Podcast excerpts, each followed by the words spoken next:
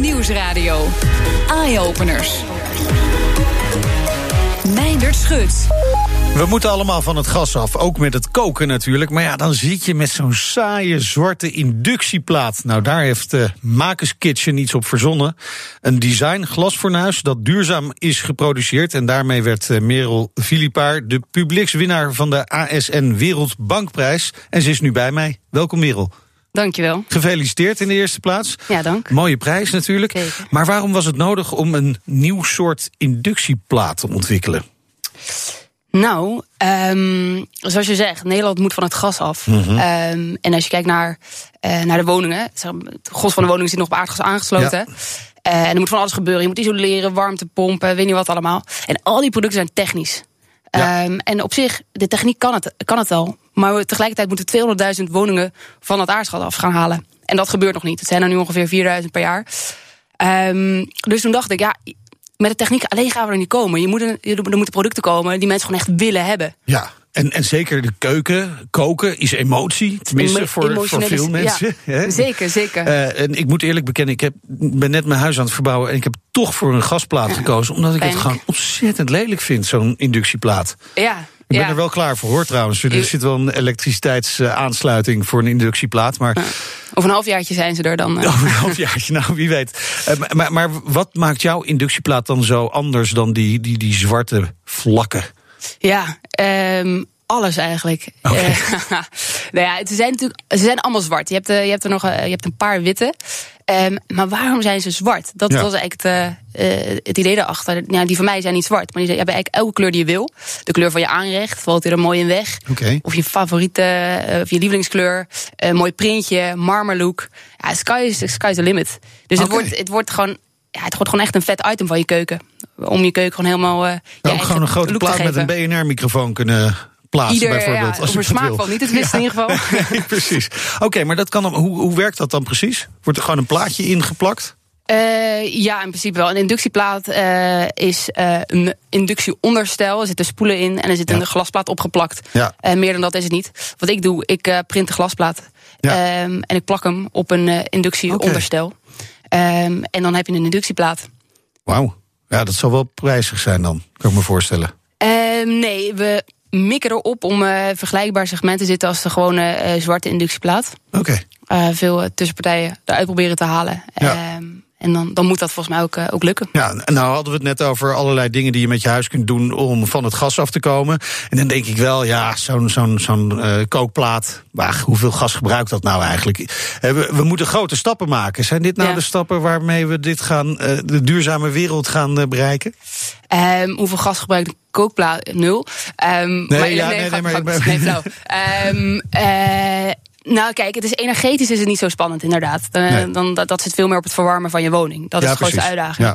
Ja. Uh, maar het is, emotioneel is het wel een belangrijke stap. Als je, uh, wat je nu ziet, dat, dat woningen, uh, bijvoorbeeld van woningbouwcorporaties, grootschalig van het gas af worden gehaald. En een hele, hele ingreep is dat. En dat koken, daar wordt over gesproken. En, Oh ja. en dat, dat is voelbaar. En daar kijken mensen heel erg tegenop. Van, ik, ik heb geen zin om van het gas af te gaan. Uiteindelijk, Moeilijk als je op koken op inductieplaten ook, Ja, wordt ja. gezegd. wordt gezegd, uiteindelijk, joh, uh, Librei kookt ook op inductie. Het, is, het is, ja, ik kan een soort pitch houden voor inductieplaat. Dat ga ik niet doen. Nee. Want daar gaan we het niet uh, gewoon vertellen wat allemaal wel kan. Nee. Daar gaan we mensen niet mee meekrijgen. Het is gewoon Nee. laten zien. Ja, maar het is ook misschien eh, per huis is het misschien niet zo heel veel gas dat je verbruikt bij het koken. Ja. Maar als je al die huizen bij elkaar optelt, is het toch wel een heleboel. Ja, dat, dat ook. Uiteindelijk is het een heleboel. En kijk. Je, wat je nu ziet is dat er uh, bouwbedrijven uh, komen die woningpakketten aanbieden om woningen van het aardgas af te Ja. halen. Mensen zijn niet zo geïnteresseerd. Ja, je kan die hele pakketten gewoon verfraaien door er vette items aan toe te voegen. En dan gaan mensen ook sneller stappen maken om, om echt de grote, uh, grote verduurzamingsverslag in warmte ook te doen. Dus het is, het is een, een slimme binnenkomer eigenlijk. Ja, eigen- eigenlijk doe je een beetje, en dat is misschien een beetje een grote vergelijking, maar hetzelfde wat Tesla doet met de elektrische auto. Hè. De, voor Tesla waren er ook al elektrische auto's, maar die zagen er niet uit. En opeens komt Tesla met een gewoon hele mooie, mooi ge- getekende auto. En die is dan elektrisch. Is dat inderdaad ook met jouw inductieplaat aan de hand? Ja, ik denk dat je hem op dat vlak in ieder geval uh, uh, kan vergelijken. Kijk, die Tesla, uh, de meeste mensen kopen geen Tesla omdat die, dat die duurzaam is. Nee, um, omdat hij lage bijtelling heeft. Precies, er zit een klein fiscaal dingetje. En omdat hij mooi is. En dus, omdat hij gewoon heel mooi is, ja. ja. Maar de, en dus, omdat hij duurzaam is. Dus waar, waarom kopen mensen dingen? Omdat ze, omdat, in de eerste plaats omdat het mooi is misschien. of in de eerste plaats omdat het goedkoop is. Uh, ze voelen het in de portemonnee. En pas mm. op de derde plaats misschien duurzaamheid. Ja, Kunnen we dat ja, zo stellen? Ja, nou ja, voor veel mensen wel, ja. ja, zo, ja. ja. Dat kan dus, je stellen. Dat, dus dat geldt dus ook voor jouw koopplaats. Ja, die wil je gewoon hebben. Die is gewoon Emotie, mooi. betaalbaar en dan nog eens duurzaam. Ja, ja precies. En dan, ja. En dan het fiscale in die zin dat de overheid ook gaat zeggen... we moeten van het gas af. Ja. Dus er komt ook uh, van die kant een prikkel. Oké, okay, okay, kijk. Dat gaat dus allemaal helpen. Uh, dan willen mensen die dit horen... willen natuurlijk weten... wanneer kan ik zo'n plaat uh, aanschaffen? Ja, snap ik, snap ja. wanneer is die klaar? Ja, we beogen deze zomer. Um, en um, we zijn nu met het vervingsproces bezig en het ziet er allemaal goed uit. Ja. Uh, maar er moeten er wel nog een aantal tests worden uitgevoerd. Dus daar zit de ja. grootste vertraging okay. nog. Ja, en wat me opviel is dat je zegt... we maken hem zo duurzaam mogelijk. Ja. Wat betekent dat? Um, ja, letterlijk zo duurzaam mogelijk. Kijk, ja, maar oké, liefst... betekent dus ook dat er nog wat ruimte is? Ja, ja, nou kijk, eh, het liefst wil ik hem eh, helemaal lokaal produceren. Dat ja. elk onderdeeltje eh, uit Nederland komt. Dat, ja, en dat circulair het, dan ook en, nog. En circulair, ja. circulair businessmodel eraan. En dat het, dat het glas ook hier wordt gemaakt. In de realiteit is dat lastig. Ja, dan, dan heb ik tien jaar nodig om Ja. hier elk onderdeeltje een fabriek voor op te zetten. Om dat te gaan maken.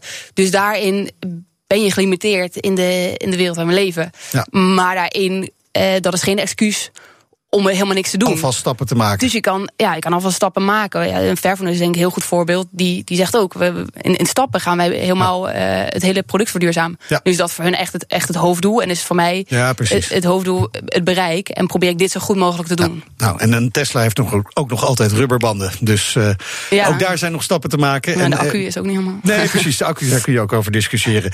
Maar in ieder geval, ja, komend jaar dan dus beschikbaar. Ja, als je, Als je interesse hebt, Ja. kan je naar uh, www.makenskitchen.com. Dat gaan we doen. Dankjewel. Merel Filipaar, oprichter van Makers Kitchen. BNR Nieuwsradio. BNR Eye Openers. Communiceren met hersengolven. Voor patiënten die niet meer kunnen bewegen is dat van gigantisch groot belang. En er is gelukkig steeds meer mogelijk. Zo kan er nu al onderscheid worden gemaakt tussen ja en nee. En zelfs tussen A, B en of C. Bettina Zorger. We zijn hier op het Gala van de Wetenschap. En um, we hebben net gekeken naar een, een live experiment eigenlijk. Precies, um, ik probeerde met mijn hersenactiviteit um, een keuze te maken uh, tussen vier opties die ik had. Dus dat is een beetje een nagebotste situatie dat, er, dat je een patiënt hebt die helemaal niet meer kan bewegen, die daardoor ook niet kan communiceren.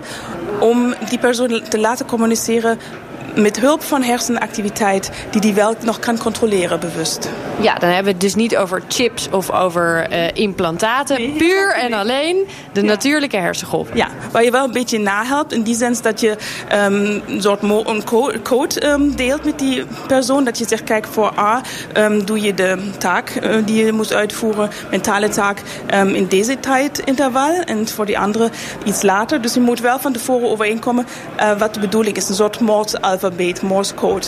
Ja, bijvoorbeeld als je iemand ja of nee wil laten seinen, dan zou je bijvoorbeeld kunnen doen wat we net hoorden. Um, ja is praten in je hoofd. En B is niet praten, maar bewegen in je hoofd. Maar alles in je hoofd. Precies, alles in je hoofd. En natuurlijk ja denken en nee denken zou ook in je hoofd zijn. Maar daar lukt het helaas niet voor ons om dat te kunnen onderscheiden. Dus je moet naar, naar een paradigma zoeken waar, waar je twee dingen die je kunt uitvoeren. Mentaal, die je goed met de hersenactiviteitsmethode kunt uit elkaar houden. En dat is bijvoorbeeld in het praten en um, beweging voorstellen. Ja, precies. En daarmee kon het dus al om, om dat af te lezen. Welke techniek gebruikte men daar eerst voor, of jullie? Um, dus um, eigenlijk is het die traditie zijn elektro, um, neuroelektrische methode, zoals het EEG, elektroencefalografie. Dat wordt heel veel gebruikt en ook heel goed gebruikt, dus uh, het helpt ook mensen al. maar steeds meer komen ook andere methoden, zoals deze voor mij gebruikt zijn.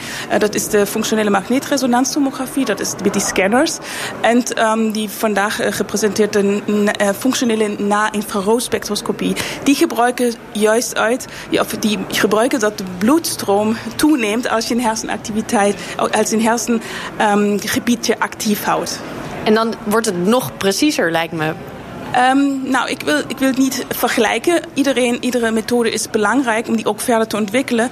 Het is altijd goed om alternatieven te hebben. Want we zien dat die ene en andere methode bij, bij patiënten helpen. En de andere methode wel bij andere groep van patiënten. Dus het is heel goed een, een hele spectrum van uh, methodes te hebben. En wat wordt uh, uh, de volgende stap? Nou, voor, voor, ons nu in onze lab willen we de FNIRS-methode nog verder valideren, verbeteren. En dan gaan we uh, naar de patiënten toe. Dus we willen het uiteindelijk aan die end-users testen en, en hun ja, overtuigen dat het een goede methode is om, om te communiceren. De patiënt moet dan ook in staat zijn om te kunnen laten weten natuurlijk mm -hmm. dat ze tevreden zijn over de nieuwe methode. Ja, dus daarom doen we het vaak ook in eerste instantie met patiënten die wel ook nog andere uh, restmotorische functies hebben, zodat ze in principe nog feedback kunnen geven. Ja. Je hoorde Carlijn Meinders in gesprek met neurowetenschapper Bettina Zorger tijdens het gala van de wetenschap van New Scientist. En straks een app waardoor we ons minder onveilig hoeven te voelen op straat. BNR Nieuwsradio. BNR Eye-Openers. Helaas gebeurt het nog regelmatig dat meisjes of vrouwen lastig gevallen worden op straat. Mag natuurlijk niet gebeuren. En uh, Gabrielle Klaushuis die maakte het zelf ook mee en wilde iets bedenken waardoor ze zich minder, minder onveilig voelde. Welkom in de studio, Gabrielle. Dankjewel. Is het inderdaad nog altijd zo erg? Uh, ja, maar ik moet zeggen dat het ook verschilt per maand. Want ik had oh ja? uh, een paar maanden geleden was het echt vier, vijf keer per week. Zo vaak? Ja, dat ik uh, achtervolgd word of nagefloten, ongewenst gefilmd. Nou, dat soort dingen allemaal.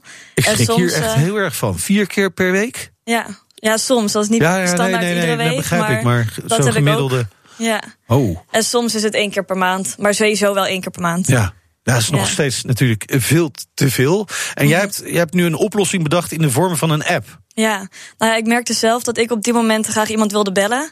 Eh, om te laten weten waar ik was en wat er aan de hand was. Ja, op Plus- het moment dat je gevolgd wordt of, Ja. of iets, iets anders naars gebeurt. Ja. Ja, ook omdat ik merkte dat het een afschrikwekkend effect had op degene die achter me aan zat. Omdat eh, vaak als iemand niet opnam, dan deed ik alsof ik iemand aan de telefoon had. Dan Ja. zei ik, ja, ik ben nu daar en daar, terwijl ik niemand aan de telefoon had. Oh, ja. Maar dat werkte ook al afschrikwekkend. Toen dacht ik, ja, het is veel eh, handiger en makkelijker en ook veiliger als je ook daadwerkelijk iemand aan de telefoon krijgt. ja, En toen kwam ik erachter dat het niet oké. En hoe, hoe werkt het dan precies? Ehm, nou, in de app eh, zet je een lijstje vrienden die je op zo'n moment zou willen spreken. En als je je onveilig voelt, dan kan je met één druk op de knop ze allemaal tegelijk bellen. En de eerste die opneemt, krijg je aan de telefoon. Oké, Dus de app belt voor jou eigenlijk iedereen tegelijk. En de rest wordt dan automatisch opgehangen ja. als je met iemand anders contact hebt. ja. En je kan ook je locatie en je route delen. Oké, en, en moet je daar iets actief voor doen of gaat dat automatisch? Eh, nou, je route en je locatie, dat moet je wel actief gewoon invullen. Je Ja. route natuurlijk, waar je naartoe gaat. En je locatie is eigenlijk maar één knop van deel mijn locatie. Dus dan wordt gewoon de directe locatie Ja. ge- gedeeld. En het bellen is ook één knop. Dat is gewoon als je de app opent, zie je de knop, duw je daarop en dan gaat hij het voor jou doen, zeg maar. Oké, en dat is dus een vast eh, van tevoren geselecteerde groep mensen... Die, waarvan jij natuurlijk het nummer hebt dan als Ja. gebruiker. En die voer je in in die app. Die, Ja. dat, dat vraag je van tevoren even aan al die mensen, denk ik. Ik kan me Ja, zo voorstellen. Als of- het goed is, dan vinden je vrienden dat wel oké, hoop ik, ik, ga ervan uit. Ik ga ervan uit. Ja, precies. Maar ehm, en, en eigenlijk zeg je, ja, het, het, het telefoontje alleen al Mhm. is meestal voldoende. Ja, nou, het werkt natuurlijk op twee manieren. Want het, wat ik net zeg, ik merkte dat het afschrikwekkend werkt. Maar het werkt ook gewoon. Eigenlijk is het doel van de app om het gevoel van veiligheid weer Ja. terug te geven. Ja. Want je kan alsnog van je fiets worden getrokken. Ook al Tuurlijk, maak je precies. gebruik van mijn Ja, app. Ja. Dus het is eigenlijk het gevoel van veiligheid. Want eh, sommige meiden die voelen zich onveilig als ze worden nagefloten of ja, worden nageroepen.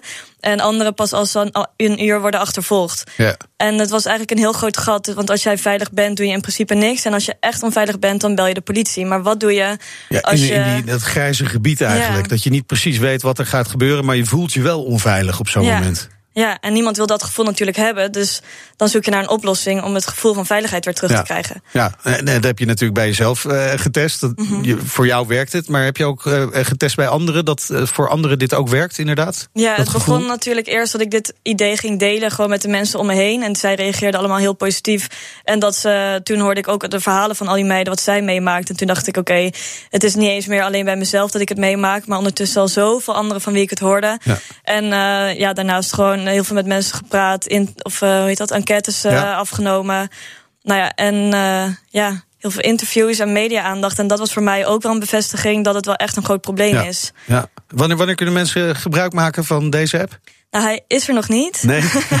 Maar Jammer. eh, ja, eh, de app heet trouwens My Grappie. Van, grappie. eh, ja, ja je een grappies. vriendje eigenlijk. Ja, Ja. en eh, dat komt ook van mijn eigen naam natuurlijk. Ja. En eh, ik hoop dat die eh, ergens begin volgend jaar er al is. Ik hoop het ook. Dus eh, ja. En dan eh, kunnen veel mensen daar gebruik van maken en het gevoel van veiligheid eh, teruggeven als ze over straat lopen of fietsen Ja. of iets anders doen op straat. Dankjewel, Gabrielle Klaushuis. En heel veel succes met My Gappy. Ja, My Grappie. My Dankjewel. De toekomstmakers. Student Rutger de Graaf ging tijdens het Smart Solutions semester van Saxion Hogeschool aan de slag met textiel en zonne-energie. Het resultaat kan uitkomst bieden voor vrijwel elk café en restaurant. Textiel is eigenlijk heel breed. Interieur valt natuurlijk ook onder eh, textiel. En dan heb je nog de technische textiel, wat heel ver gaat. Wat in dijken, in wegenbouw, eh, eh, zoals in vliegtuigen zit. Maar ons onderzoek richtte zich dus op de, op de horecamarkt. Ja, toen hebben we gekeken naar wat voor textiele producten er eigenlijk allemaal zijn binnen restaurants en cafés. Zonneschermen die, die over de terrasjes heen staan, die staan bijna de hele dag open. En soms worden die helemaal niet opgerold. Dus ja, daar, dat vonden wij het meest productief om te gebruiken om eh, zonnecellen op te integreren. Ja, en hoe, eh, hoe doe je dat vervolgens, zonnecellen integreren in, in zoiets als een zonnescherm? Eh, ja, dat was voor ons allemaal ook wel heel nieuw, dus er moest eh, veel onderzoek aan gedaan worden. We hadden wel eh, middelen tot onze beschikking vanuit onze klant. Het moest natuurlijk ook voldoen aan flexibiliteit, vastbaarheid, et cetera, omdat het gewoon buiten moet hangen. Ja, en het moet opgerold kunnen worden. Inderdaad.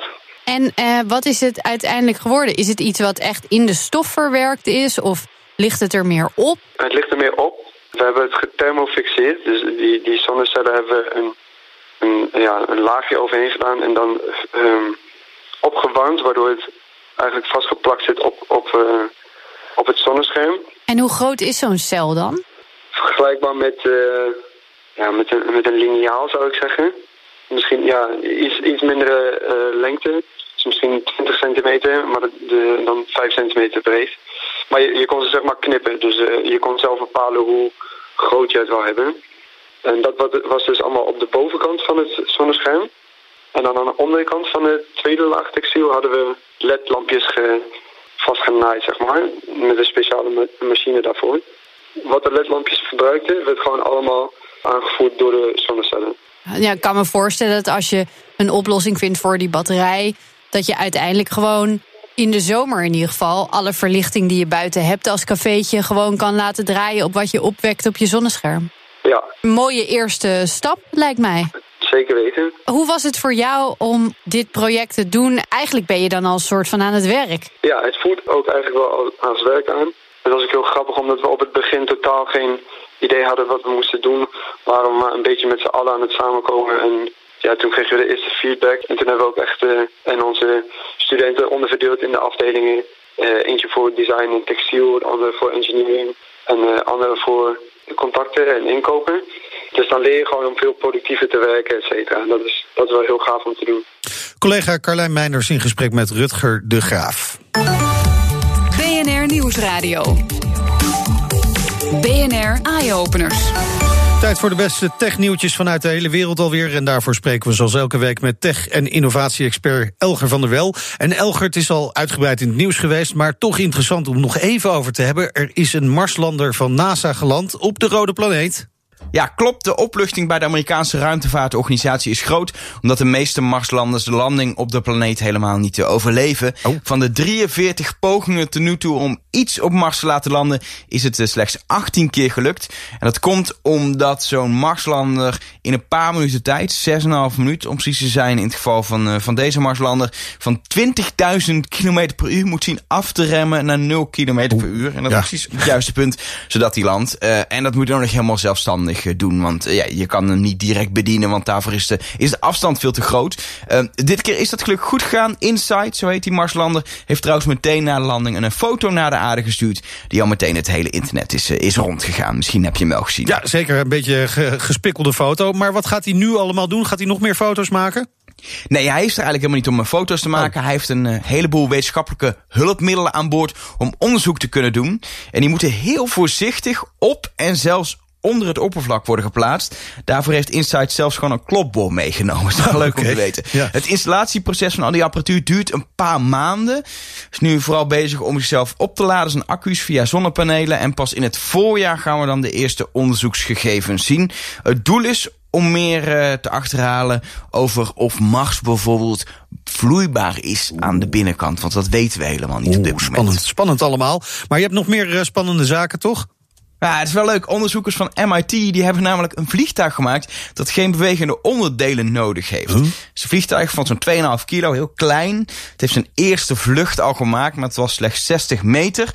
Maar tof is dat in plaats van turbines of propellers het vliegtuig een techniek gebruikt die elektro aerodynamische voortstuwing heet. Onthoud Oh, dat woord. okay. Uh, uh, uh, hoe dat precies werkt, ga ik proberen uit te leggen. Um, maar hele hoge voltages, 40.000 volts, volt in dit geval, door de motor ionen in de lucht genereert rondom twee elektrodes die die heeft. En het elektrische veld wat dan ontstaat tussen die elektrodes, die stuurt, uh, ja, die stuurt ionen op en neer. En dan drukt hij als het ware ja, zich tegen de luchtmoleculen okay. weg en stuurt hij zich zo naar voren. Je zou duidelijk in een soort plaatje moeten zien. Ja, dat werkt misschien beter ja. dan radio.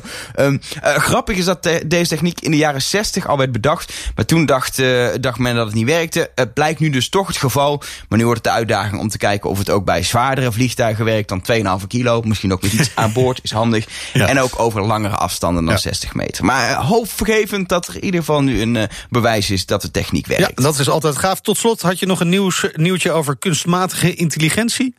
Google heeft een toepassing van kunstmatige intelligentie noodgedwongen genderneutraal gemaakt. Oh. Het gaat om een smart reply waarmee Gmail zelfstandig suggesties geeft voor antwoorden op een mailtje.